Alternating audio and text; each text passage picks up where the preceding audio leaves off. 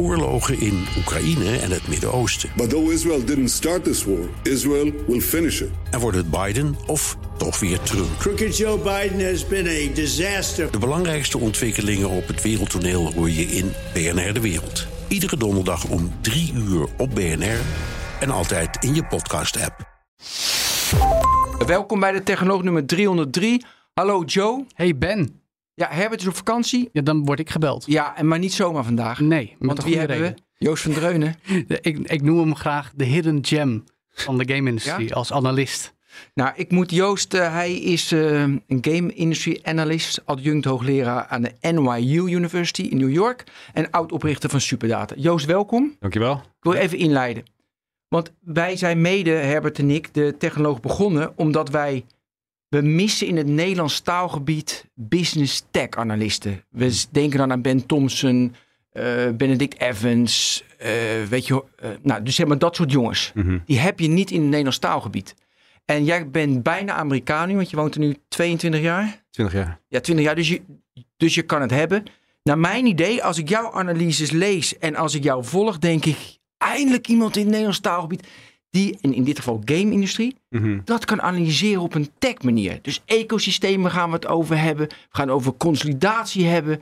Ja, ik heb er zoveel zin Politiek in. Beleid, Politiek beleid. consumentengedrag, Ik Oh, dat is wel weer saaier. dat hoort er ook bij. Ja, waardeketens, mooi. Oké. Dus Joost, welkom. Hartstikke fijn dat je bent. Je was vrijdag in Nederland aangekomen. Je moest een roadtrip maken en je gaat morgen alweer weg. we, Nou, hebben, we hebben net nog even gegeten met elkaar geprobeerd om het niet over dingen te hebben waar we het het komende uur over gaan hebben. Nee, precies.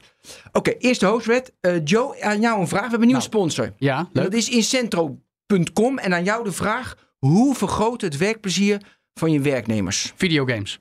Is dat de manier? Eh, eh, en, en gamification, mits done right. Ja, oké. Nou, daar is Incentro totaal mee eens. Maar ze hebben nog veel meer. Dat doe je ook door mensen meer autonomie te geven.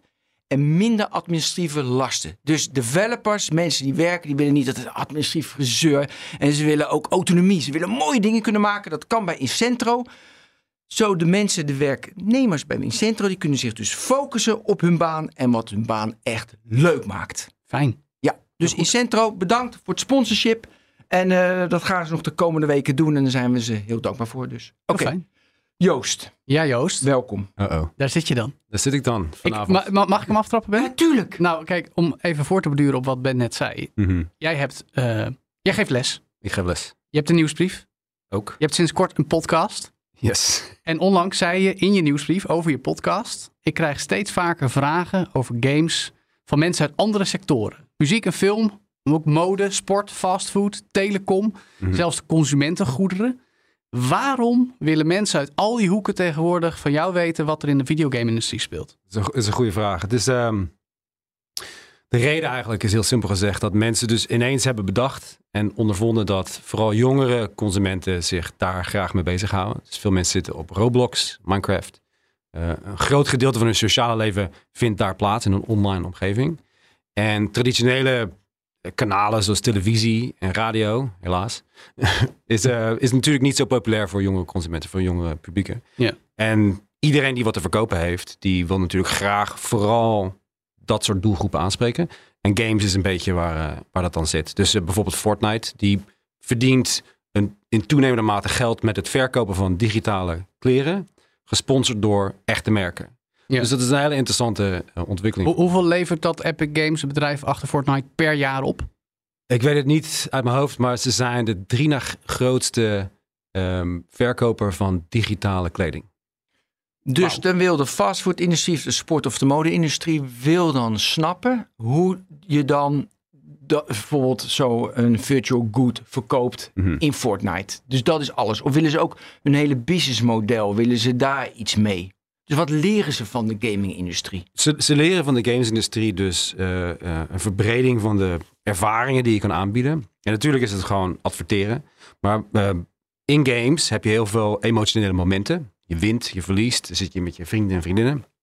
En dat zijn uit, precies de momenten waar een adverteerder graag erop inspringt. Dus je ziet dus met sport bijvoorbeeld, als er wordt gescoord, dan meteen krijg je het logo van de grootste sponsor gepresenteerd. In games is het net zo, waar je dus eh, continu die momenten hebt. En mensen willen graag aan elkaar laten zien dat ze de laatste schoenen hebben van Balenciaga, maar dan digitaal. En dat is een beetje waarom ze zich daarin Ja, maar dan vind ik het wel een flauw. Dan is het gewoon waar, eh, waar spendeer ik mijn eh, advertentiegeld? Oh, Mhm. in games, want daar zit de jeugd. Nou, ja, prima. dan is het dus of TikTok of Roblox. Precies. Dus het is, Ja, het, maar dat is toch niet spannend, Joost? het is ook niet spannend, maar dat is dus het begin van een inkomensmodel dat heel lang niet heeft bestaan. Dus eh, adverteerders eh, die hebben een, een bepaalde waarde binnen een ecosysteem. Eh, binnen de sport bijvoorbeeld, je kan niet aan sport denken zonder adverteerders. Dat bestaat gewoon niet. Dus, dus, dus eh, de ervaring van een wedstrijd kijken. Ik zat laatst te praten met iemand, die, een maat van mij, die was naar Ajax geweest. Dat is een ervaring waar je bij wil zijn. En het is dan voor sponsors natuurlijk een rol om dat zo groot mogelijk op te zetten. Ja, maar In games zou je dus in het begin zeggen van... Goh, dat is een beetje lullig, want je hebt nu... eh, weet je wel, een logootje hier of eh, weet ik veel, een paar schoentjes en hoedjes van iemand anders daar. Maar tegelijkertijd over een periode van ehm, ontwikkeling stelt het een ontwikkelaar in staat om dus niet afhankelijk te zijn van premium uitgaven. Je hoeft dus niet de consument om geld te vragen. Dat stelt je in staat om een breder publiek aan te, stellen, aan te spreken. En tegelijkertijd dan nieuwe dingen te bouwen. En, en ik denk dat die creatieve impuls die dus gesubsidieerd wordt door adverteerders, dat dat juist de meerwaarde is op lange termijn. Ja, maar ik heb wel het idee, ik eh, spendeer mijn advertentiegeld als eh, Nike niet meer in de krant, niet meer met een billboard. En, eh, Mhm. Maar dan ga ik nu eh, niet meer op tv, niet meer op de radio, maar nu in een game. Nou, huh, huh. Ja, dat is hetzelfde als met internet. Dat ineens, weet je, alles, alle advertenties worden digitaal. Nou ja, dat is gewoon een verschuiving. Ja, het is, het is een verschuiving, maar het, het verandert de manier waarop wij games maken en consumeren. Hoe dan? Nou, nu zijn Hoe we ze dus, maken?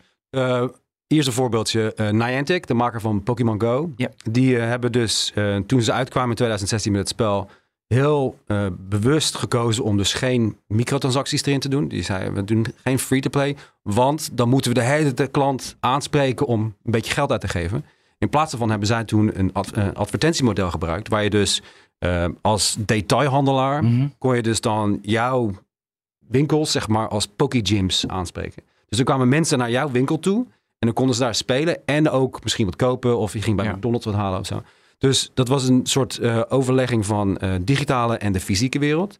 En die hebben dat expres gedaan en dat bleek dus eh, uiteindelijk natuurlijk financieel heel erg goed voor ze, maar ook creatief, waar ze het dan over. Dat, stelt on, dat geeft ons een vrijheid die we anders niet hebben. Dus ik Ja. denk dat dat een beetje de, de meerwaarde is. Eh, en dat die verschuiving in inkomensmodellen, dat dat belangrijk is voor creativiteit. Ik wil het hebben over heavy hitters. Want die zijn volop in het nieuws. Oké. Eh, en juist als we het hebben over de populairste game naar alle tijden, moeten we eigenlijk zeggen. In ieder geval Hmm. qua verkoop units.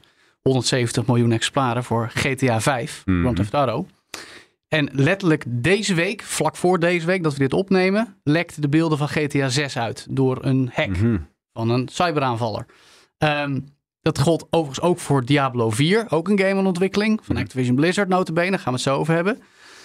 Dit zijn dus games waar eigenlijk een heel groot deel van de gaming community en, en daarbuiten ook een heleboel casual gamers kennen GTA, spelen GTA, want die 170 miljoen verkochte exemplaren op zitten te wachten. En waarom is het dan zo catastrofaal dat die beelden uitlekken voor dit soort gamebedrijven? Ja, het, is- het, is, eh, het is een heel vervelend moment natuurlijk. Het is, ehm, Maar is dat marketing verpest? Is dat concurrentievoordelen die verdwijnen? Het is in eerste instantie, zoals ik dus de industrie ken, is dat heel erg ehm, ja, het moreel van de ontwikkelaars natuurlijk eh, krijgt een, eh, een, een, een douw. Want je zit gewoon eigenlijk jarenlang zoiets te bouwen. Ja, want en dan, GTA 6 wordt al sinds 2014 ontwikkeld. Joh, voor mijn part zijn ze al dat twintig jaar mee bezig, weet Ja. je wel. Maar dit is, het is een creatief proces en je wil op een gegeven moment natuurlijk de markt opkomen en een soort wow eh, eraan hebben.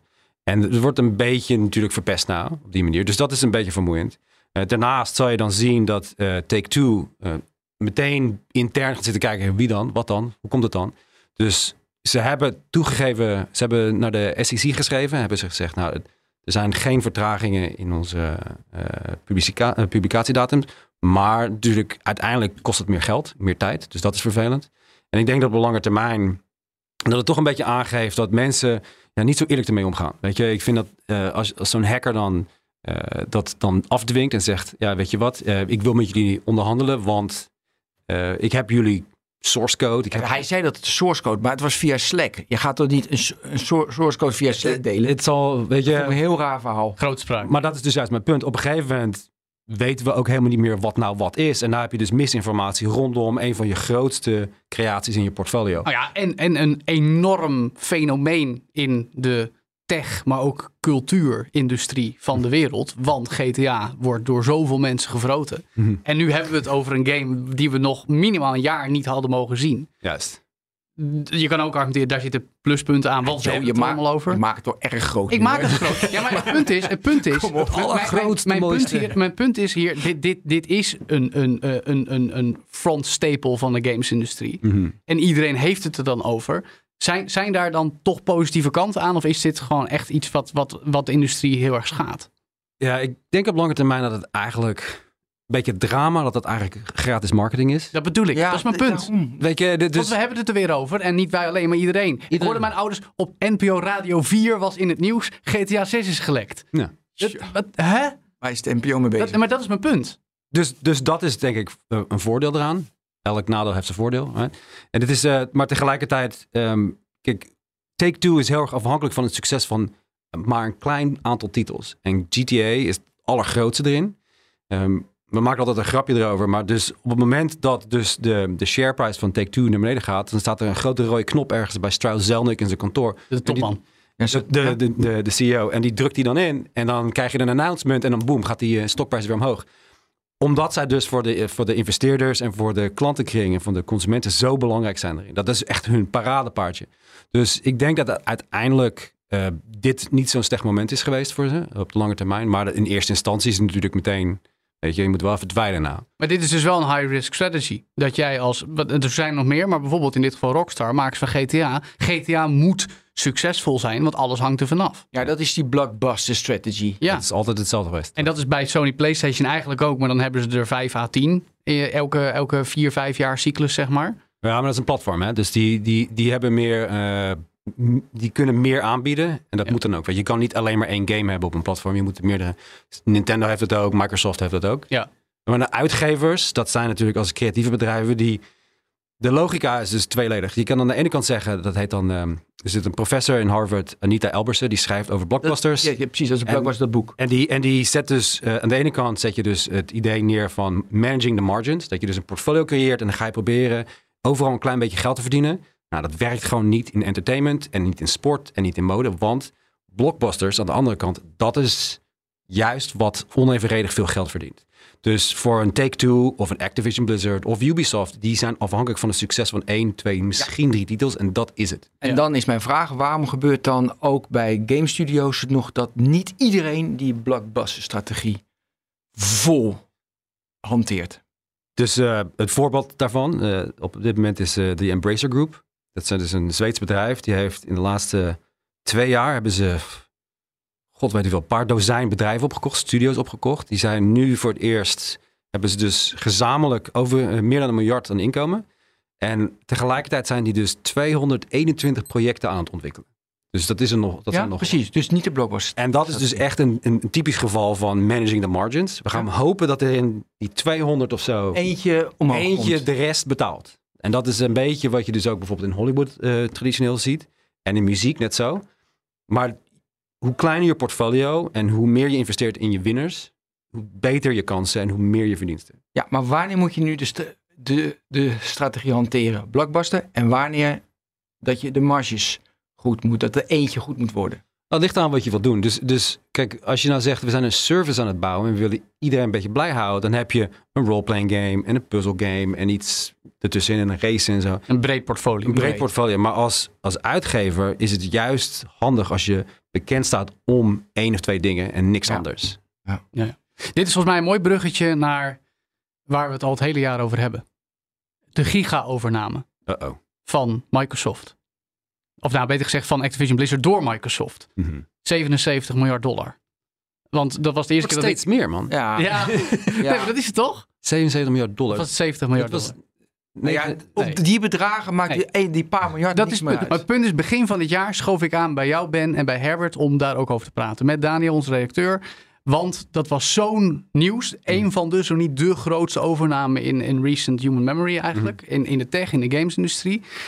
En die is eigenlijk wekelijks in het nieuws, want dan is er weer een toezichthouder die zich over die overname Mhm. van tientallen miljarden moet gaan buigen. Weet je wel, de, in de VS, de Europese, de Britse. Ik geloof alleen Saoedi-Arabië heeft die deal al goedgekeurd. Ja, die vonden het wel best. Ehm, jij hebt steeds gezegd in jouw nieuwsbrief en ook een keer in de uitzending bij. BNR Digitaal volgens mij, of een ander programma, die deal komt er wel.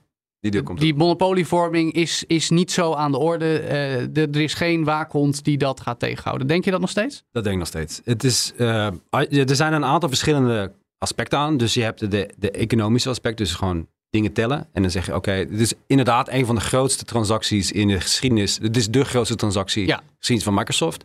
Want ze kopen het bedrijf met Call of Duty, Warcraft, Candy Crush. Ja. Alles bij En dat is Heel veel IP's, is heel veel blockbusters. Een grote zak geld. En die hebben dus ook, ehm, in 2014 hebben ze Minecraft gekocht voor 2,4 miljard. Een paar jaar terug eh ZeniMax Media voor 7,5. En dus nu zijn ze echt vol in met, eh, met, met, met deze acquisitie. En dat betekent dus eigenlijk dat zij dus eh, in toenemende mate hun eigen content willen hebben voor hun platform. Oké, prima. Maar dan zeggen hoop mensen van ja, maar dat is de grootste uitgever. En dan heb je een groot platform. Als die samen gaan werken, dan betekent dat dat Sony buitenspel staat op een gegeven moment. Dat zegt Sony zelf ook. En Sony zit kan niet. nou, te klagen. Die zeggen, ja, dat kan niet. En het was eh, inadequate, hadden ze het over. Jim Ryan, de CEO van eh, Sony Amerika. Eh ik vond het een beetje lullig, want zij doen dat zelf ook de hele dag. Dus het is nou ook weer niet uniek. Weet je, dat Microsoft nou ineens de slechterik is in dit verhaal. Dus de, van een economisch standpunt is het heel makkelijk om dit te spinnen in de manier van, ah, dit is heel slecht, want dan hebben consumenten minder keus, bla bla bla. bla. Microsoft heeft nu al toezeggingen gedaan dat ze nog Call of Duty jarenlang beschikbaar maken op de PlayStation. Dus het zal allemaal wel meevallen. Kan je een beetje speculeren of dat wel zo is, of ze dat echt menen of niet. Maar hun strategie over de laatste vijf jaar is heel erg eh, bezig geweest en gericht op een verbreding van, de, van het publiek dat ze aantrekken. Ja, maar zijpaadje, dit gaat natuurlijk ook om de perceptie van al die mededingingsautoriteiten. Dat is het tweede punt. Dus Dat- dus, dus, dat dus. Dus, dus dat was het economische gedeelte. Het politieke gedeelte is heel anders. Dus je hebt nu eh, in Engeland en in- Europa, maar ook in Amerika, een, eh, in toenemende mate eh, de behoefte van de politiek om zich te laten gelden. Juist. Dus de, de Federal Trade Commission heeft twee jaar geleden een nieuwe commissaris aangesteld, Lina Kaan. Ja. Bijzonder Pieter, iemand met een, een hele interessante insteek met betrekking tot het reguleren van platformen. En die zitten naar te kijken natuurlijk. En die zegt van ja, oké, zit hier wat in dat we moeten reguleren? Moeten we dat aantrekken of aanpassen op een of andere manier? Eh, ik denk dat het politieke moment er is dat je dus als er zo'n grote transactie plaatsvindt, dat je dan je niet, eh, dat je niet stil kan blijven. Dat ze iets zullen moeten zeggen. Dus er zal wel een lawsuit komen of een of andere eh, duw terug. Maar op lange termijn zal er dus niks te vinden zijn. Ja, maar dat is dus eigenlijk, ze zijn al meer beeldvorming aan het bedrijven dan dat ze echt een gegronde reden zouden hebben om die overname tegen te houden. Nou, dat, gaat, dat is dus het probleem voor de politiek. Dus wat doe je dan? Weet je wel, Ja, ja. Wij, hier is de nieuwe club en wij gaan, dit is de nieuwe sheriff. We gaan optreden, maar we gaan kunnen we niet tegen optreden. Maar eigenlijk is er eigenlijk helemaal niks te doen. En we zijn dus, dus ze zijn nu bezig met het, eh, ja, ze maken het bijvoorbeeld Meta veel moeilijker. Die had dus laatst een transactie die ontzettend klein was in Ja. vergelijking. En daar zit het dan bovenop, want dat kunnen ze dan wel regelen. Met welke met Griffie? Was Nee, fi- fitness app toch? Fitness. Oh, fitness. eh, ja. Virtual Ja, reality maar fitness Virtual app. volgens mij ook een... Maar eh, eh, Ja, Ben? nou ja, ik, ik, heb hem, ik wil hier erachter komen of het nu terecht is. Kijk, ik, ja, ik als leek denk van nou, weet je, er komen wel heel erg partijen bij elkaar. En Microsoft heeft al, beheerst al alles. En dan beheersen ze ook nog de gaming-industrie. Ja, ik vind dat als leek in de gaming-industrie dan, hè. Mhm. Vind dat, denk ik, nou, dat is niet, dat is niet mis. Het, in eerste instantie is je instinct is wel correct, maar als je inderdaad gaat kijken naar het marktaandeel van Microsoft, het, het neemt maar 3% toe. Dus als ze die overname rondkrijgen. met die overname, dus ik heb eh laatst zitten kijken Ja, dus in deel in wat? in, de, in, de, in de globale games, de wereldwijde In, games, zeg maar, revenue of in... in revenue. In revenue. Want ik heb hier, eh, ik heb hier Tencent 35,4 miljard bij jou. Dat is een Ja. staafje die jij hebt gemaakt. En dan Microsoft 25,1 als Activision Blizzard erbij zit. En Sony 24,9. Ja. En dat, En is, dat is dan revenue zeker. dat is op revenue en dat, Ja. is als je, en dat moet je dan berekenen tegen een totale waarde van de industrie van rond de 220 miljard. Dat is de jaarlijkse omzet in de dan, dan ben ik, dat, dus dat is jouw eerste punt, economisch gezien. Dan zeg je, oké, Kijk, als je nou zegt eh, eh, eh, Rupert Murdoch en die heeft weer 30% of 50% van de marktaandeel. Maar dat hebben ze niet. En het is daarnaast ook nog zo dat Activision Blizzard heeft drie onderdelen. Die hebben Activision, dus, Mhm. de- dus Call of Duty en de schietspellen, zeg maar. Blizzard, dat is roleplaying met World of Warcraft en Hearthstone. En dan heb je uiteindelijk natuurlijk nog King Digital met Candy Crush, wat we allemaal spelen. Ja. Ehm, Microsoft heeft helemaal geen mobiel aandeel. Dus nu pas voor het eerst hebben ze dan misschien een aandeel in de mobiele games. Dus je moet het ook bekijken per platform. Want de mensen die mobiel Candy Crush spelen, dat is een heel ander publiek dan die, die andere spellen spelen. Dus op dat moment is het van oké, dus mag je dan spannende films maken en eh, sitcoms? Ja, natuurlijk. Weet je, Ja. dat mag prima. Maar het punt is eigenlijk ook, dat wordt her en der suggereerd, misschien ook in een van jouw analyses of, of, of een van de andere die ik lees, en dat is ook een beetje mijn eigen eh, redenering, dat het eigenlijk Sony PlayStation niet gaat om dat Call of Duty mogelijk exclusief Xbox zou worden, want dat is helemaal niet zo, maar dat het in Game Pass komt, het Netflix-model Mhm. van Microsoft Xbox. Dat is een idee, ja. Dat is waar ze misschien nog veel meer bang voor zijn. Omdat Sony heeft wel met PlayStation Plus Premium tegenwoordig iets vergelijkbaars. Maar dat is het nog niet. Want je betaalt veel geld en je krijgt lang niet zoveel als bij Microsoft Xbox. zeg ik ook zelf. Ik heb het getest. Je hebt het getest. En wat je ook hoort in de publieke opinie. Dus daar baseer ik me even op. Maar is het dan niet meer Sony die eigenlijk zijn eigen tekortkomingen ziet? Van hey shit, wij hebben het Netflix model nog niet goed omarmd en Microsoft wel. En nu pakken ze even de grootste blockbusters. En ook al kunnen ze nog steeds de gamers voor 70, 80 euro dat spel spelen en op de PlayStation spelen. Bij Microsoft Xbox krijgen ze hem elk jaar gratis. Mhm. Dat is de echte angst, toch? En, en dat is ook een terechte angst. Kijk, het probleem dat je hebt als de grote incumbent, Sony, die is al tien jaar de baas. Microsoft is altijd een bridesmaid, never the bride. Die zijn altijd de nummer twee in de industrie en ook met een factor van 1 tot 2. Dus voor elke PlayStation wordt een halve Xbox verkocht. Ja, Dus ja. Dat, dat zeg ik. Nee, maar- sure. Maar goed, dus ze hebben hun marktaandeel is significant kleiner. Dus die hebben eigenlijk een beetje zitten slapen aan het stuur. Ja. Voor mijn gevoel. Weet je, ze hebben wel acquisities gedaan en ze hebben wel dingen gekocht dat je zegt van oké, we hebben nu unieke intellectual properties en dat is alleen voor de PlayStation. Eh, ze hebben toen eh, Guerrilla Games gekocht hier in Nederland. Ja. Uitstekende acquisities. Ze hebben Bungie gekocht laatst voor 3,6 miljard. Dus het zijn, ze zijn niet zo eh, slaperig dat ze dat allemaal vergeten zijn. Maar die hebben dus op lange termijn, denk ik, nog steeds eh, vastgehouden aan een ouderwets platformmodel.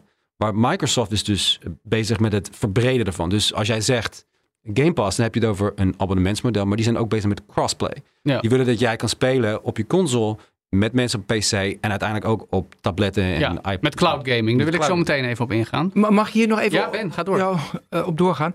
Want wat op, we gaan er nu vanuit dat het normaal is dat, dat, eh, de- eh, dat Microsoft en Sony Mhm. studio's kopen. Juist. Dus titels kopen. Daar gaan we nu vanuit dat dat normaal is.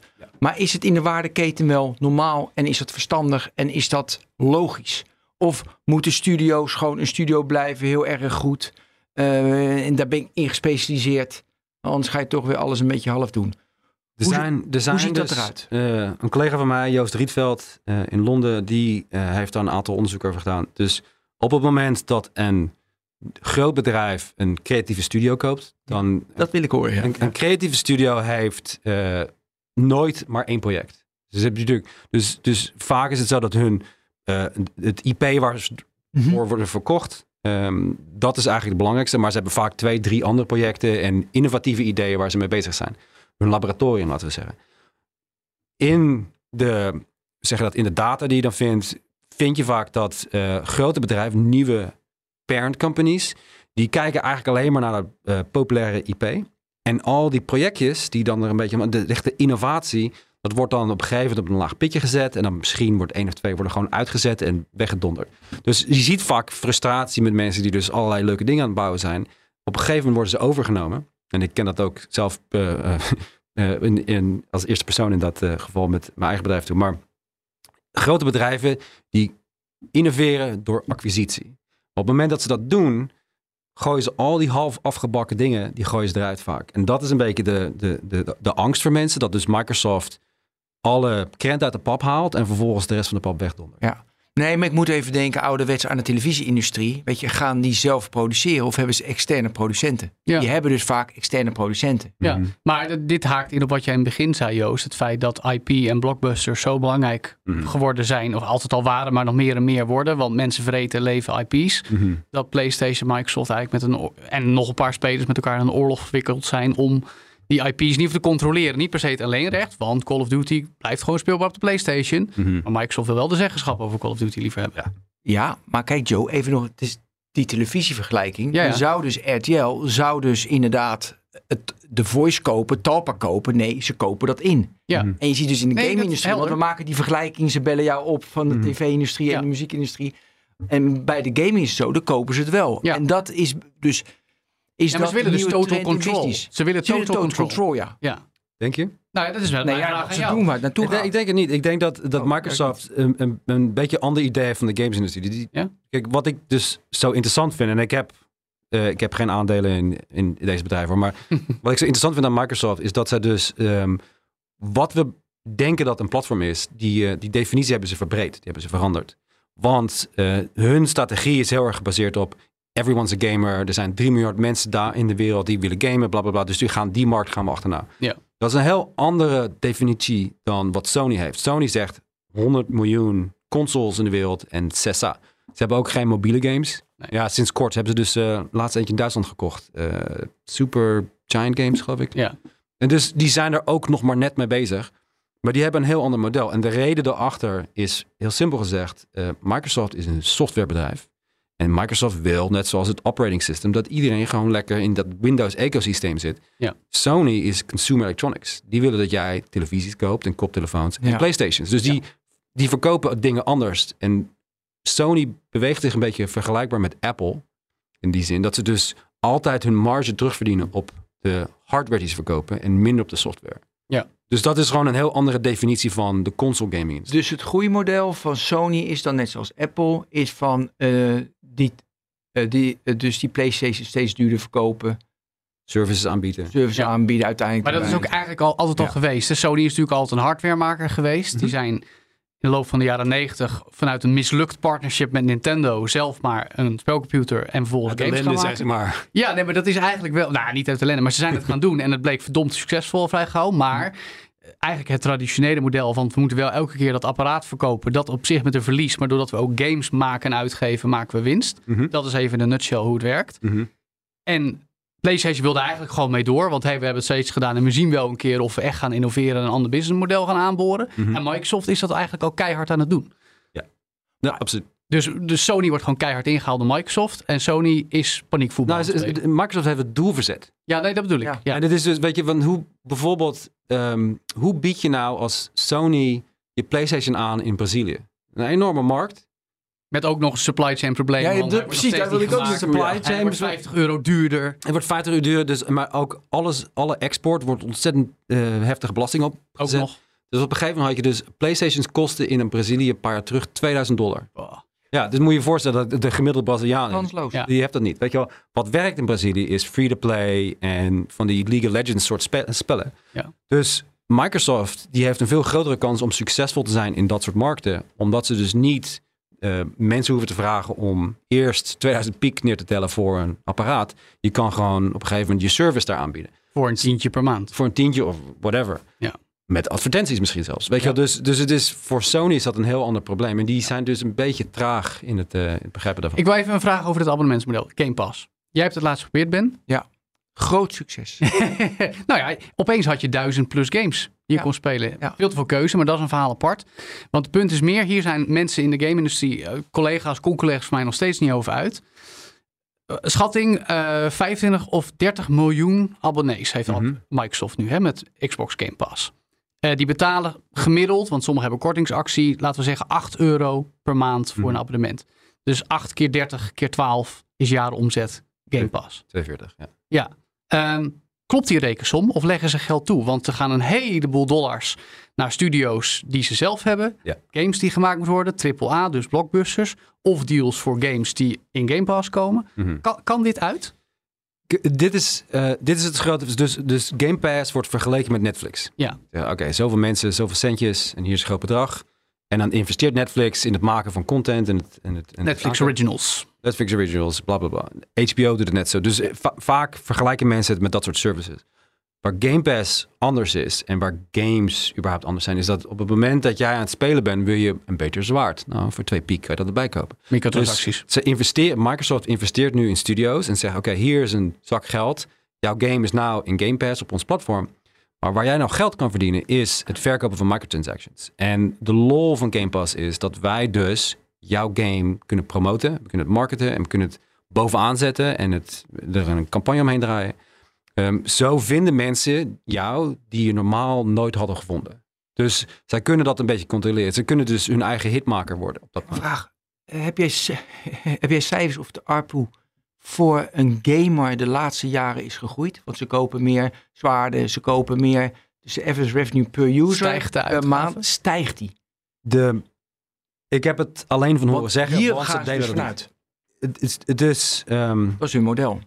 Het is vooral met de kleinere en middelgrote uitgevers, of eh, ontwikkelaars, die daar ba- baat bij hebben. Want die hadden nooit zo'n groot publiek eh, kunnen bereiken. Die heb ik van horen zeggen, die eh, gaan erop vooruit. Want die hebben dus nu ineens honderden duizenden spelers in plaats van 10.000 spelers. Ja, maar dus average revenue per user. Dus één gebruiker. Want ik ga er altijd van- vanuit, dit is entertainment. Hmm. Ja. Entertainment heb je per maand heb je 45 euro voor. Want de rest is je gasprijs, is, die gaat omhoog en je elektriciteit. En dan ga je natuurlijk je kachel een graad lager zetten, want je wil van die 45, dat zwaard is zo gaaf, ik maak er 50 van. Dat is natuurlijk maar de vraag. Mhm. En dat is eigenlijk de, lukt dat dus, dat model wat Microsoft dus in gedachten heeft, Mhm. zie je daar al resultaten van? Ik heb ze eh, alleen erover horen praten. Ik heb ze niet gezien, want ze deden Ja. het niet. Eh, de mensen die ik ken binnen Microsoft, die dus een beetje dat suggereren, Ja. die wijzen dus naar eh, een kleine kerngroep van spelers, die dus inderdaad veel Waar meer dat al zo is. En, en, en dat, dat rijmt met wat ik weet van andere spelmodellen, waar je dus eh, een kleine groep, een klein percentage eh, spelers hebt die veel meer Ja, uitgeven die dan 10% regel. 2 procent. Twee zelfs maar. En, dat zijn echt, maar dat zijn dan ook meteen heel waardevolle spelers. Ja. En als je die kan krijgen in je spel, dan, dan zit je vrij snel goed, zeg maar. Ja. Maar dat is dus ehm, waarom Microsoft zo bezig is met het maken van hun bedrijf en hun, hun, hun zichtbaarheid zo groot mogelijk. Dat ze zo groot mogelijk publiek aan willen spelen, spreken, want die 2% blijft consistent. Precies, als het 3 miljard is voor 2%, hebben we er weer heel veel. Precies. Ja. Ehm, we hadden het net even over cloud gaming.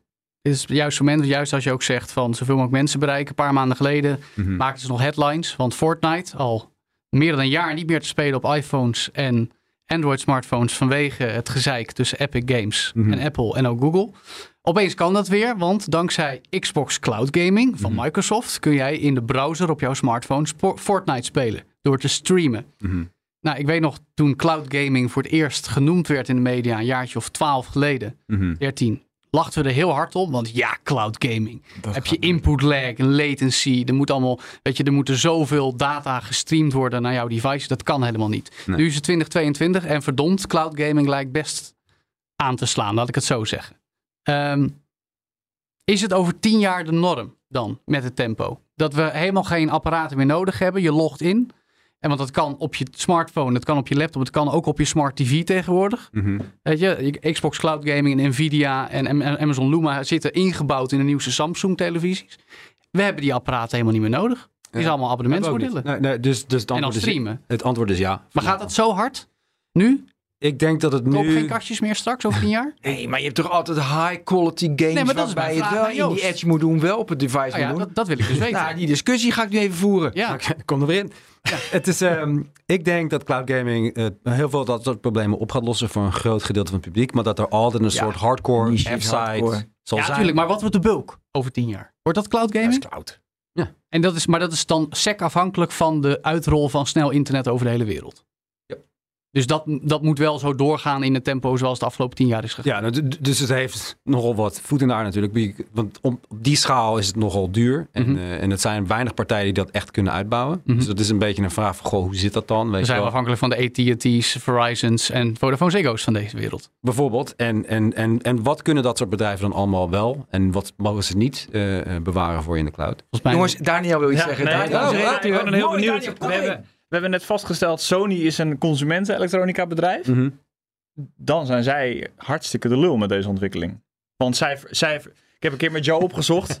Eh, ze verkopen eh, het meeste omzet halen zij uit, uit, uit hun PlayStations en gaming gedeelte, zeg maar dat stuk.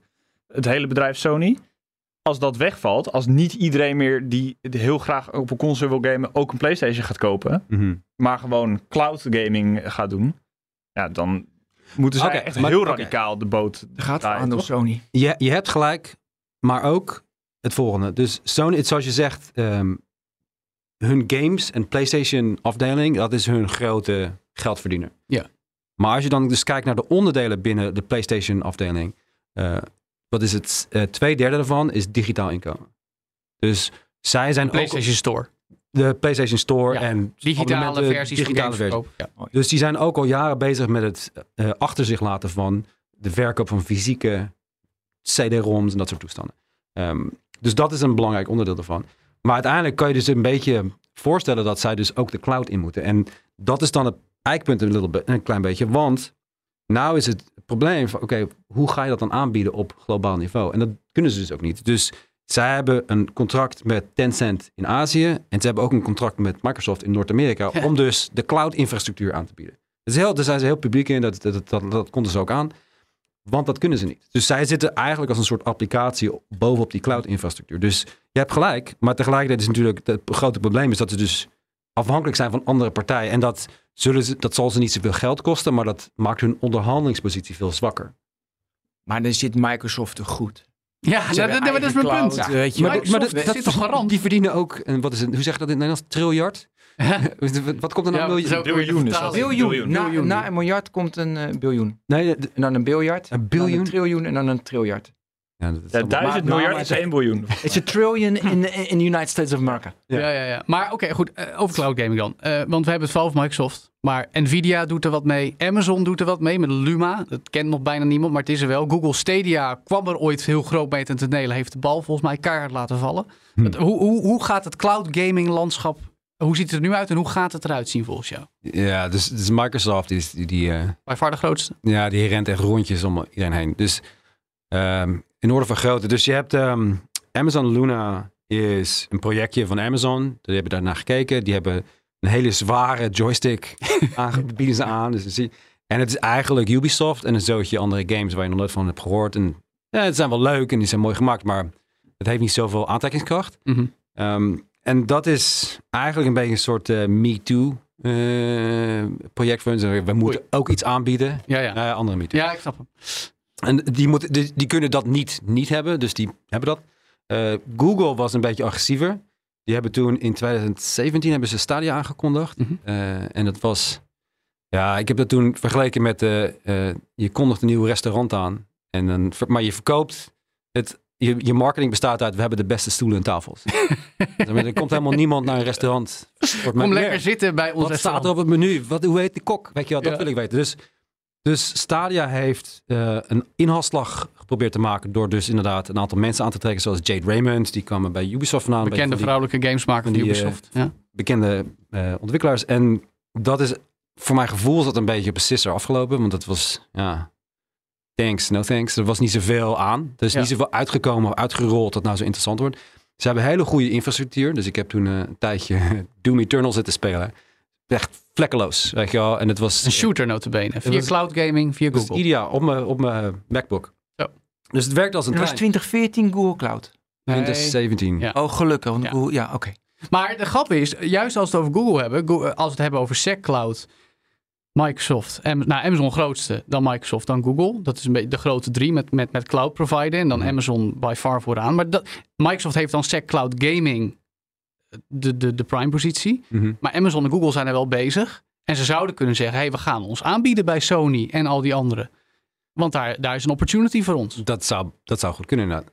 Ik heb net even ge- gemist, want toen keek ik in mijn aantekeningen. Eh, dus met welke cloud gaat Sony werken? Microsoft zei toch? Zij, Azure dus. die, die, ehm, Dat is toch dom? dat is voor de eh, Noord-Amerikaanse markt. Ja, die, Ja, die dan zou ik zeggen, ga praten met Google of Amazon.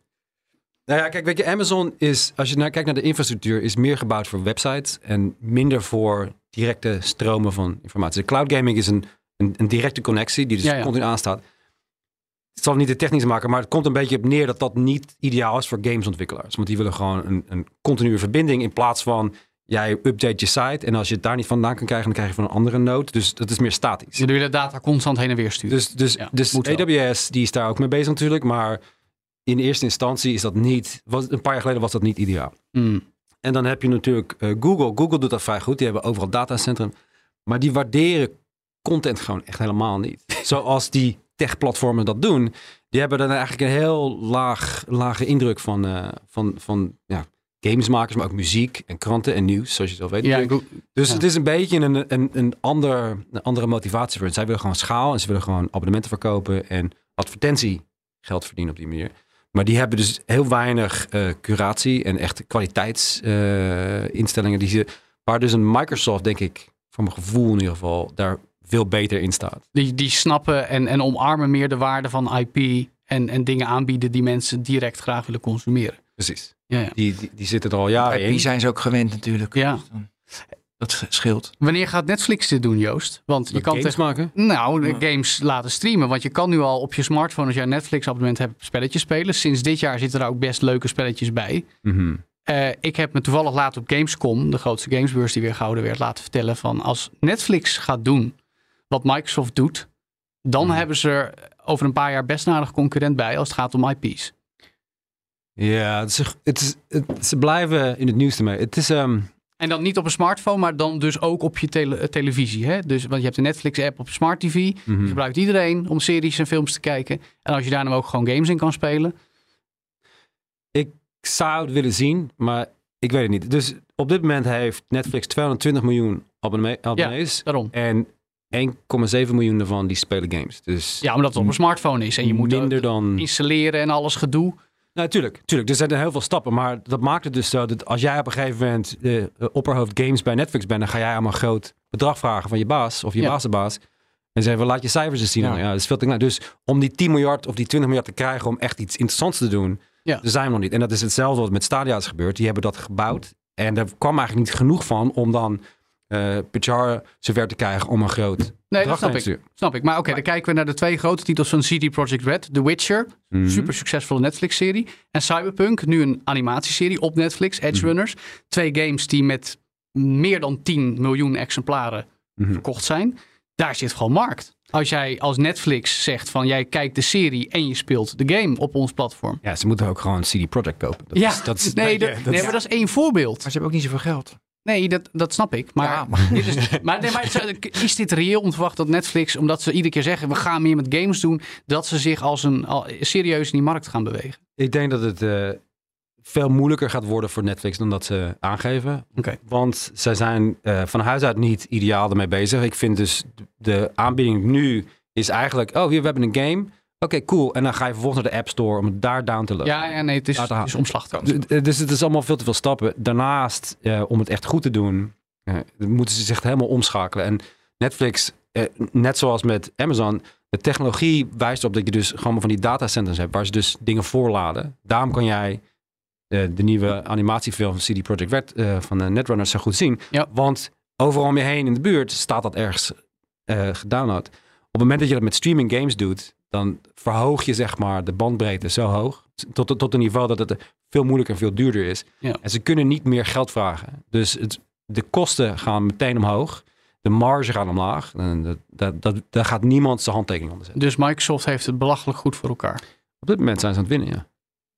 Ja, we moeten even naar Tencent, want die Ja. hebben we nog helemaal niet genoemd. Nee, dat klopt. En dat is de grootste. de nou, machtigste. en ook, ook daar even dan de actualiteiten aanhalen maar. Hè? Want Tencent kocht laatst eh, extra aandelen Ubisoft. Ja. En eh, de koers van Ubisoft knalde naar beneden. Wat gebeurde daar, Joost? De Ubisoft heeft een groot aantal aandeelhouders natuurlijk. En eh, een van de grootste is Tencent. Ehm, de verwachting met Ubisoft, omdat de market cap van 12 tijdens 2021 12 miljard naar 7 miljard vandaag is, ge- is gevallen. Dat, is- nou, dat is goed, goed te doen. Dat is een eh, goedkope Koop je. ja. Ja. koop je eigenlijk. Gooi het even in de groep. Maar de verwachting is dan dus dat Tencent dat een van de potentiële eh, aankopers geweest zou zijn. Ehm, omdat ze dus nu alleen maar een stukje hebben gekocht en niet het hele ding. Oh, oké. Dus de, de, de kans dat ze dat hele ding kopen is nu 4,5 Maar hoeveel procent hebben ze dan gekocht? Hebben ze maar gewoon aandeel procent. Ah, Ja, maar ze hebben nu volgens mij Heeft 10 en ze kunnen het vergroten naar 17. Ja, weet je, en het maakt het allemaal heel ingewikkeld. Maar simpel gezegd, ze hebben dus niet het huis gekocht, maar Nee, gewoon een kamertje. Ja, maar ze, hebben wel, ze, hebben, ze zijn de grootste aandeelhouder nu, toch? Tencent. Dus, Dus die hebben een hoop te zeggen. dat maar, wou ik zeggen. Ja, maar dus nu heb je gewoon een huisbaas. Ja, ja. Dus dat is helemaal niet wenselijk. Ja, Eh, eh, uit, you know, dus, nou goed, ik weet niet of het wenselijk is, maar tegelijkertijd, eh, Ubisoft heeft zichzelf juist vrijgemaakt van Vivendi een paar jaar terug. Ja, hebben die Want- vijandige overname afgeslagen. Dat is een ontzettend drama. En dat zijn allemaal van die Fransozen die tegen elkaar schreeuwen dan, weet je wel. Maar het kwam erop neer van, ja, we moeten creatieve vrijheid hebben. En dan kunnen we nu eindelijk de dingen maken die we altijd al willen maken. Maar Vivendi koorde dat nooit goed. En nu zijn we eigenlijk terug bij af, tot op zekere zin. Ehm, dit, dit, dit roepen mij twee soorten vragen op. Als eerste even door op Tencent. Want Tencent is Chinees. Mhm. Techreus, dan heb ik jou daar. En eh, ook toen wij het voorafgaand aan deze podcast met elkaar bespraken, n- niemand reageert echt op Tencent als je Tencent zegt. Terwijl ze zijn de grootste. Jij noemde net die cijfers op, Ben. Ja. Market cap. Maar in de technologie hebben we het wel over? Tencent. Nee, dus dat we ik. even die nuance maken. Nee, nee, nee, 35,4 helder. miljard 1. Nummer 2, dat is Microsoft met Activision Blizzard 25,1. Dus 10 miljard meer Dat bedoel ik. omzet. Waarom het wordt. Tencent dan nog steeds chronisch onderschat? Het is ehm, een bedrijf dat zich voornamelijk op de Chinese markt heeft gericht, Mhm. historisch. Ehm, daarnaast is het ook een bedrijf dat twaalf jaar geleden niet, niet bestond. Eh, dat vergeten mensen graag. dus als je kijkt naar de digitale nieuwkomers, eh, in een periode van een beetje meer dan een decennia, ehm, is het eh, eigenlijk van niks als een chatprogramma. Dat is de QQ, dat was een grote Ja. soort ICQ voor China. Opgegroeid en tot een enorm bedrijf. 35 miljard aan games, dat is maar een derde van hun inkomen. Het is het grootste gedeelte, maar het is wel. eh, dus die zijn nog veel groter dan dat. Ehm, wat Tencent altijd een beetje buitenspel heeft gezet in de internationale markt, is het feit dat het dus gewoon eh, afhankelijk is van een Chinese overheid die zegt: wij willen geen buitenlandse bedrijven in deze markt. En we geven dus Tencent eh, voorrang op alles. Een protectionist eh, market eh, regulation. En dat komt er eigenlijk op neer dat Tencent dus gewoon altijd een beetje daar op de zijlijn heeft gestaan voor westerse consumenten, voor westerse bedrijven, voor westerse investeerders. En om die reden zie je dan eigenlijk het ook niet aan af. Net, NetEase, nummer twee in China, daar hoort ook helemaal niemand wat van. Nee, maar die hebben nu wel een paar, laat ik zo zeggen, Japanse gameontwikkelaars van naam eh ingeleid. Waaronder mijn favoriet, Sura Goichi. Een beetje de Quentin Tarantino van de gamesindustrie. Ook Nagoshi, een oud Sega-kopstuk. Dat zijn niet mensen die games maken waar de massa opeens van aangaat. Maar wel waar liefhebbers graag nieuwe games van willen zien. Dus dan gaan Tencent en NetEase dus toch nu dingen doen om een westerse doelgroep te bereiken. Ja, daar zijn ze dus al een paar jaar mee bezig. Ja, Dus- maar nu dus willen ze serieus worden Nu, nu worden ze serieus en je ziet dus nu dat hun zichtbaarheid toeneemt. Eh NetEase, die heeft laatst Quantic Dream in Frankrijk gekocht. Ja, makers van PlayStation games, Ja, die hadden um, Heavy Rain, Heavy Rain, Detroit. Ja, nu zitten jullie te veel op titels, Nee, nee, nee, maar dit zijn wel hele grote. Dit zijn wel ontwikkelaars van naam. Ja. Ja, maar, maar ik, ik noem Ja? die, want eh, dat zijn van die soort Tarantino-achtige ontwikkelaars. Die maken niet eh, eh, spelletjes met eh, juwelen en met Cultureel toonaangevende makers. Ja, die zijn, dus, dus Heavy Rain, dat was een spel. Ik, heb het, ik kon het niet aan mijn studenten laten zien, want het was veel te vreed. Dus op een gegeven moment is het moment dat je dus om je dochter te bevrijden, moet je dus je eigen vinger afsnijden in Ja, het spel. heftig. En het is, het is echt zo te kijken, god alle macht. En je moet zelf op die knop drukken om je vinger af te Ja, snijden. dat dat is ja, het maar dus, dus de intensiteit van dat soort creatieve producties, dat is waar ze nu naar op zoek zijn. Tencent, die heeft eh, twee jaar geleden een, eh, de voor, voormalige eh, CEO van Take-Two aangenomen voor partnerships, Ben Vedder. Die zijn niet één, maar drie AAA-studio's tegelijk aan het bouwen in Noord-Amerika. Dus die zijn allemaal dat highbrow aan het, aan het navolgen. Weet je. En Tencent is eigenlijk rijk geworden met mobiele games, met van die... Van die Ja, WeChat hebben ze Ja, natuurlijk. Dat, is het grootste van ze. dus die willen nu een soort Hollywood Hollywood Battlegrounds. Bijvoorbeeld. En dat, dus die zijn aan het kijken van, goh, hoe komen we dan die westerse markt in? Van, hoe komen Noord-Amerika en Europa binnen?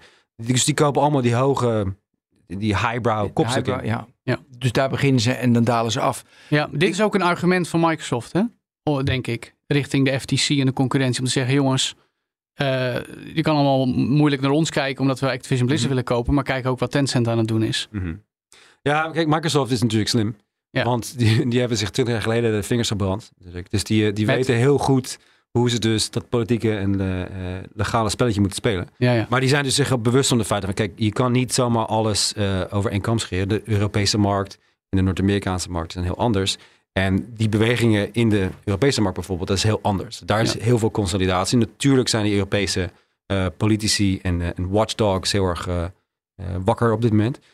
Maar ja, kijk, eh, het is een hele brede wereld. En dus Tencent komt eraan. Ja, oké, wat gaan we nou doen? Weet je, wat, eh, wat, wat krijgen we dan?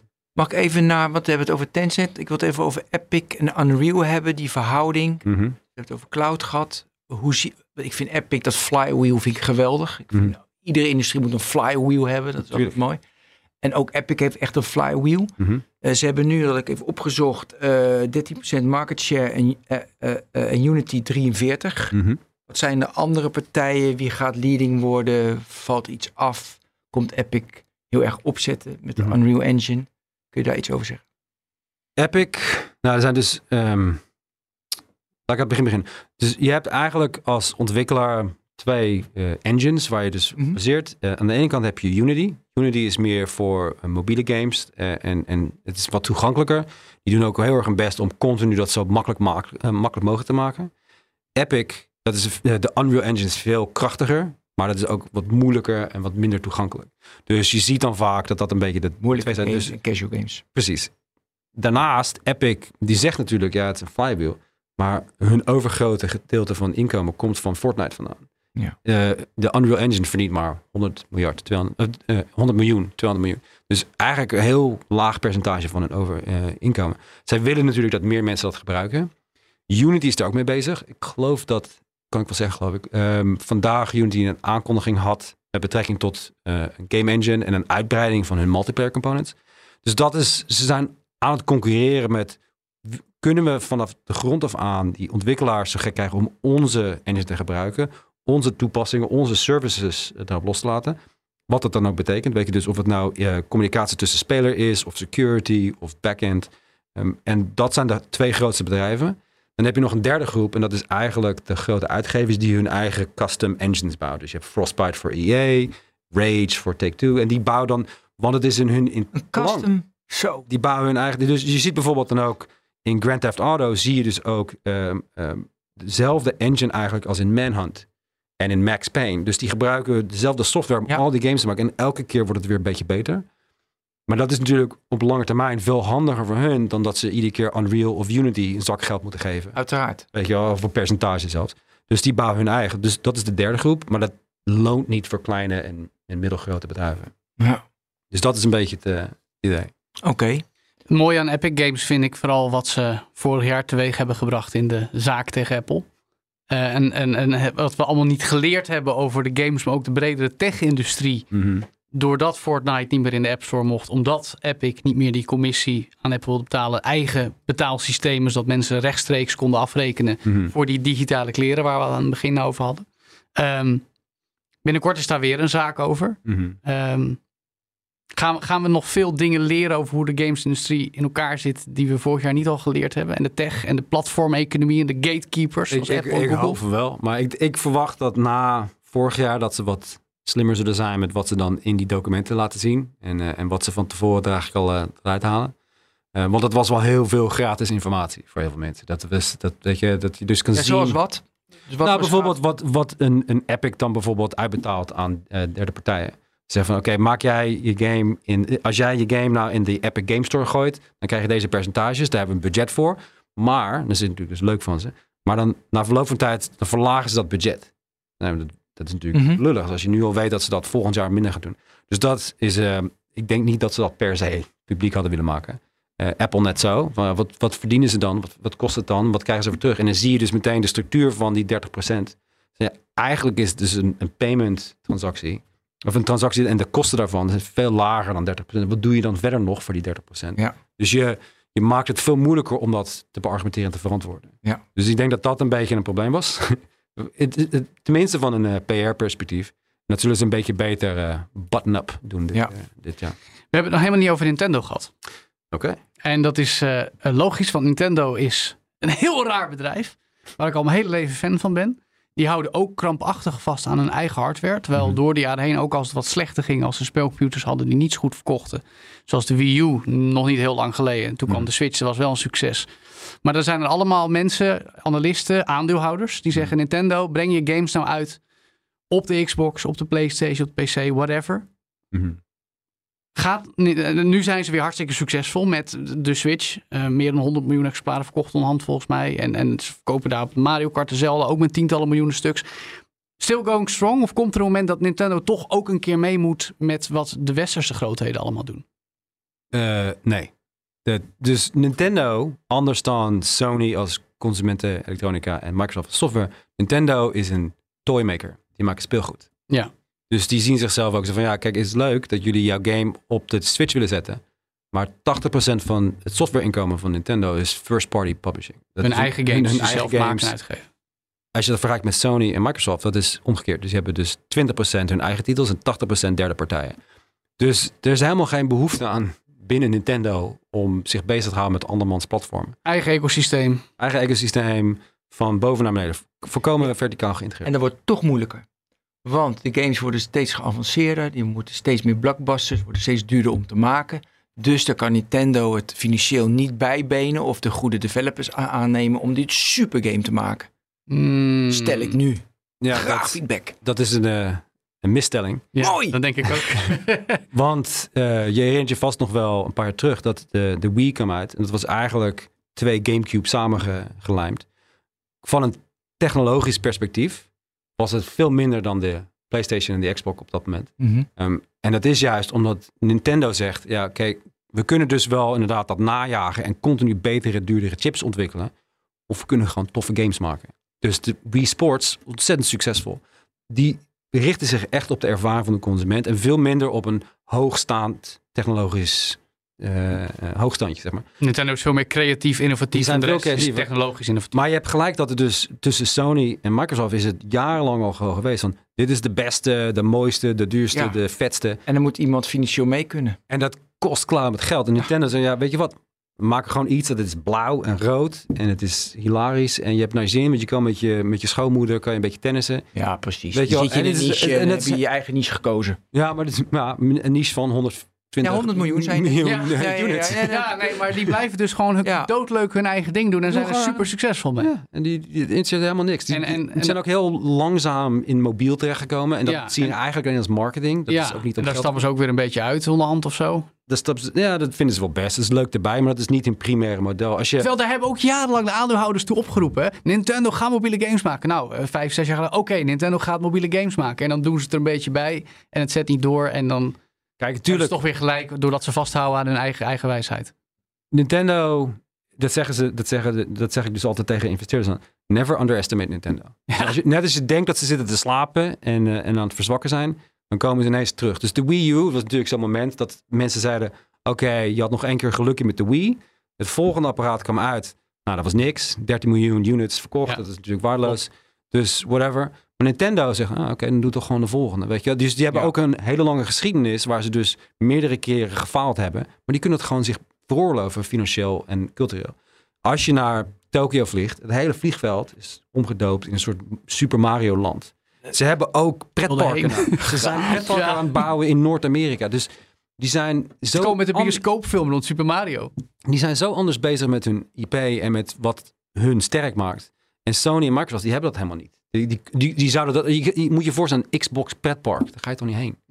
Moet ik daar nou doen? Nee, maar wel natuurlijk een eh, Super Mario pretpark. Ja, ja, nee, dat is Tuurlijk, met je kinderen. Net als Lego Disney- Ja, Nintendo dus is het Disney Disney, Disney van de game-industrie. Ja, hè? of de Lego van de games. Of de Lego van de game-industrie. Ehm, nog even over overnames. Want daar, dat is al even geleden in dit gesprek. Maar ehm, eh, ook na, na die aankondiging van de giga-overname van Activision Blizzard. Mhm. Was het van, oh, nu gaan er meer volgen. Ja, Ubisoft heeft het over gehad. Niet Mhm. gebeurd. EA, een paar weken geleden waren de geruchten. Maar hoe die de wereld in kwamen weten we niet precies. Dat Amazon, hè? zou kopen. Niet gebeurd. Of nog niet gebeurd. Gaan er nog grote overnames komen? Want het window is een beetje aan het sluiten. Als je ziet wat er met de wereldeconomie gebeurt, Joost. Ja, de wereldeconomie. Maar dit is... Games en de wereldeconomie, die, die lopen niet zo eh, Nee? parallel. Maar dus EA... Oh, maar waarom niet? Nou, je, je ziet dus dat mensen... Dus de laatste tien jaar is games heel erg gegroeid. Zeg maar verviervoudigd. Ja, je had een heel mooi eh, het aantal bedrijven dat meer dan een miljard omzet hebben. Oh, die heb ik er niet bij gedaan.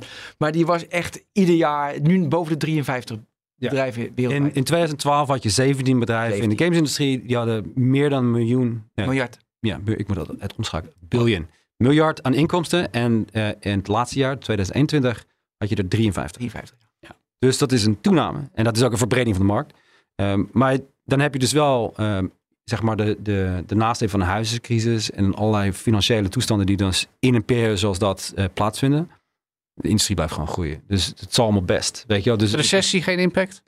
ja, er zal wel wat. eh, kijk, de recessie die nu eraan komt, eh, dat heeft natuurlijk te maken met het feit dat de laatste twee jaar volkomen idioot zijn Weird geweest. Ja, Het was natuurlijk- door pandemic en iedereen wilde Ja. opeens gamen en Ja. toen weer niet. Dus als je vergelijkt met de groeicijfers, dat ik het zo zeggen, eh, van 2012 tot 2019 had je een gemiddelde groei van 11% in de gamesindustrie elk jaar.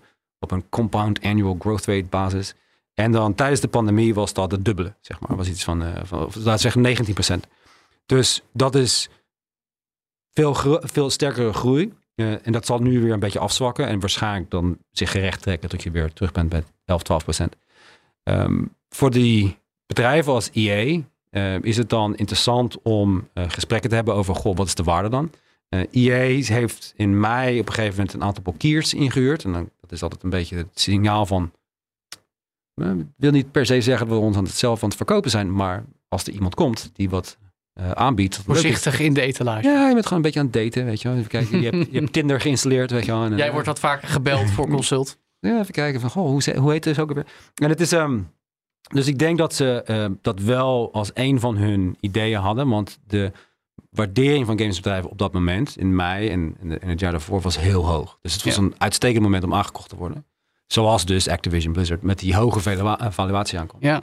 Dus komen er nog meer? Ja, absoluut. Ehm, maar die zullen dus niet zo groot zijn als de 70 miljard van Microsoft en Hey Joost, je had een lijstje met multipliers en die viel me heel erg tegen. Dat was 2.4, ik weet niet of ik erbij heb gegaan, 2.4 en 4.8, maar niet de multipliers. Ik dacht van, nou ja, dat is een beetje naar de 15, 20. Het is, Mhm. dat viel me tegen. Hoe dat? multipliers van eh, op, op revenue basis, op inkomensbasis, Ja, het voor de waardering van Ja, ja, precies, ja, precies EBITDA. Hè? Dus, dus, de, de, dus de multiplier op een EBITDA. Mhm. Eh, en daarvoor wordt het dan verkocht. Dat viel me tegen. Dat ik vond die, ik vond, ik vond, vond die multipliers niet hoog. Hoe komt dat? Eh, de korte antwoord, simpel gezegd, is dus ehm, tweeledig. Het gaat om games, dus het is niet zo transparant, het wordt niet zo gewaardeerd. Eh, en het, het tweede gedeelte daarvan is eh, omdat het op transactiebasis is. Het zijn niet services. Kijk, een Codemasters werd door EA gekocht voor 1,2 miljard. En dat was, geloof ik, 7,2 multiple. Oké. Nou goed, dat was vrij hoog. Dus het was wel een toenemende mate zo dat ze dus meer geld ervoor eh, bieden. Eh, dat kwam ook na een aanbod van Take-Two voor hetzelfde Codemasters bedrijf eh, van 963 miljoen. Ja, het zijn Maar goed, maar mijn punt daarmee is te- om te zeggen dat ze dus ehm, die valuaties, die multipliers zijn wat lager, want het is op transactiebasis. Een Ja. Codemasters verdient nog steeds met een premium model. En die moeten dan naar een service model. Op het moment dat je gaat kijken naar tech, maar ook met games, bedrijven die dus op een servicebasis geld verdienen, die krijgen veel hogere Ja, valuaties. tuurlijk. dat, is, dat zijn bijvoorbeeld de Supercells en de Riot Games die dus voor 10 miljard eh verkocht worden.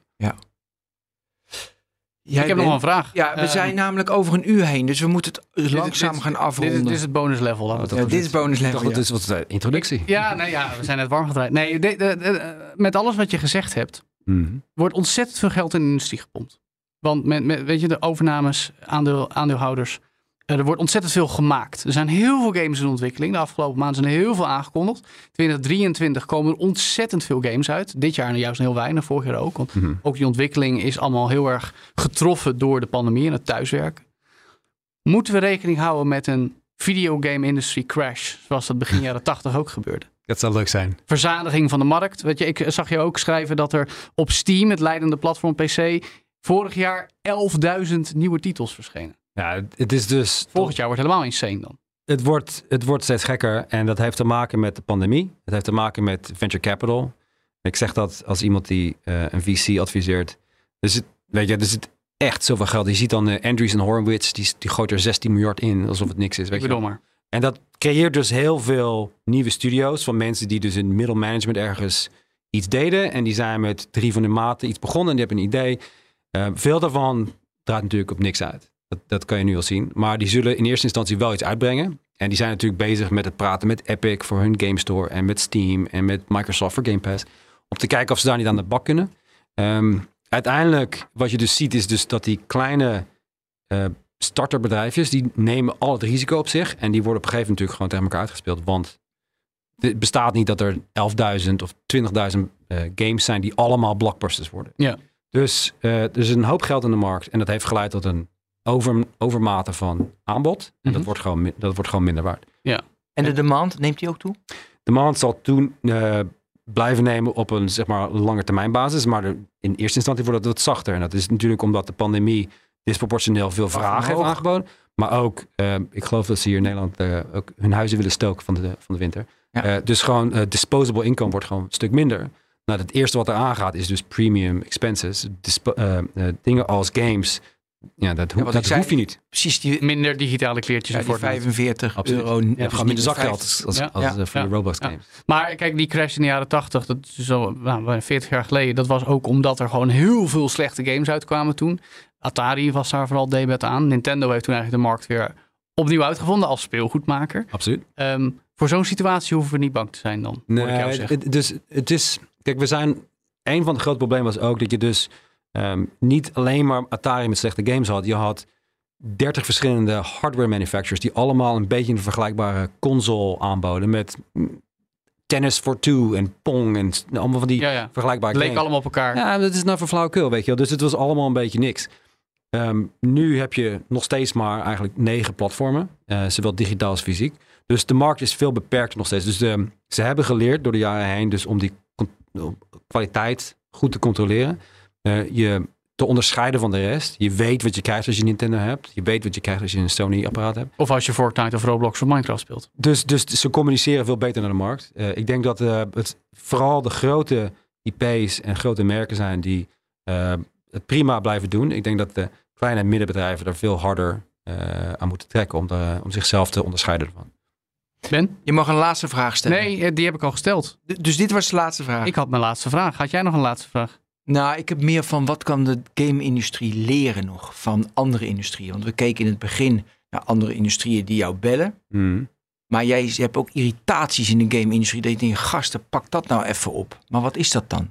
Omgaan met werknemers? Dat zou, ik zou de workplace toxicity is natuurlijk meteen de Ja, eerste. die, precies. Ze worden slecht betaald als ik dat vergelijk met andere developers. Het is, het is, je gaat niet voor je lol of, of voor, je, voor, je, voor je de verdiensten de games in zitten. Dus eh, Rami Ismail, is, eh, ken vast wel. Weet je, Ik ken een Nederlandse gamemaker. Een bekende Nederlandse gamer, die, die heeft ook altijd van alles te zeggen over het feit dat het werken in de gamesindustrie is eigenlijk heel erg counterintuitive. Het is heel irrationeel om dat te doen. Eh, en dat zou veel beter moeten. Zeker dus omdat de industrie groter is. Veel mensen vertrouwen erop eh, voor hun vertier, eh, maar ook voor hun inkomen. Maar ik denk dat ook een culturele industrie. Dus het is nu zo belangrijk geworden voor heel veel mensen. Dus ja, zou je dan misschien die mensen die dat bouwen beter kunnen compenseren? Want dan krijg je betere. Dus als jij die investor adviseert en investeert in een gamebedrijf, moet je in die terms en conditions moet je zetten. We betalen die gasten die het maken, betalen we fatsoen. Hoe ga je met je personeel? Juist, dat moet je in die terms en conditions zetten. Ja, Dan moet je eisen van, van, van die investeerder. Dat ben ik met je eens. Ja, mooi Maar afsluiten. goed dat je dat nog even hebt opgehoord. Ben, want dat was bij uitstek het punt dat we niet... Maar ja, in het, in het hele commerciële verhaal waar we het voor over gehad hebben... raakt dat juist vaak ondergeschoven. Om logische reden, maar het is wel super belangrijk. Want het gaat om mensen. Mega. Om die, om die mensen die onze games maken, die ons inderdaad vermaken. Mhm. En dat we daar geld voor Ja, betalen. die worden niet gewaardeerd. Dus, dus Nee. er zijn geen, eh, net als in muziek heb je dus de, de rode loper voor muzikanten. En film, ga je naar van die evenementen, hebben ze tien verschillende awards die je kan winnen. In games staat niet. Je hebt nu de Game Award. Ja. Ja, jij hebt wel de Game Awards, maar, Ja, maar dit, dit, dit, is, dit is heel knullig en nieuw. De, Ja. er wordt dus, op een gegeven moment had ik een eh, gast van Rockstar in, eh, in, mijn, in mijn klaslokaal. En die zei, there is no award show for the guy who makes the helicopters fly in Grand Theft Ja, Auto. ja, ja, ja, maar dat ja. is zo moeilijk om dat Maar te dat komt ook kunnen. omdat er honderden of duizenden aan die helikopters werken. En dat, en dat Ja, is echt een je kunst. Zo'n hele studio kan je groot... eh, nou, Zeker, maar dan komt de CEO weer eventjes. En niet de man die die helikopter ontwerpt. Ja. Daar ga je Oké. dus. Dit was de Technoloog nummer 303. Joe, bedankt. Graag gedaan, Ben. Joost, bedankt. Joost, bedankt. Eh, iedereen ook bedankt voor het luisteren. Tot de volgende Technoloog. Hoi. Jo.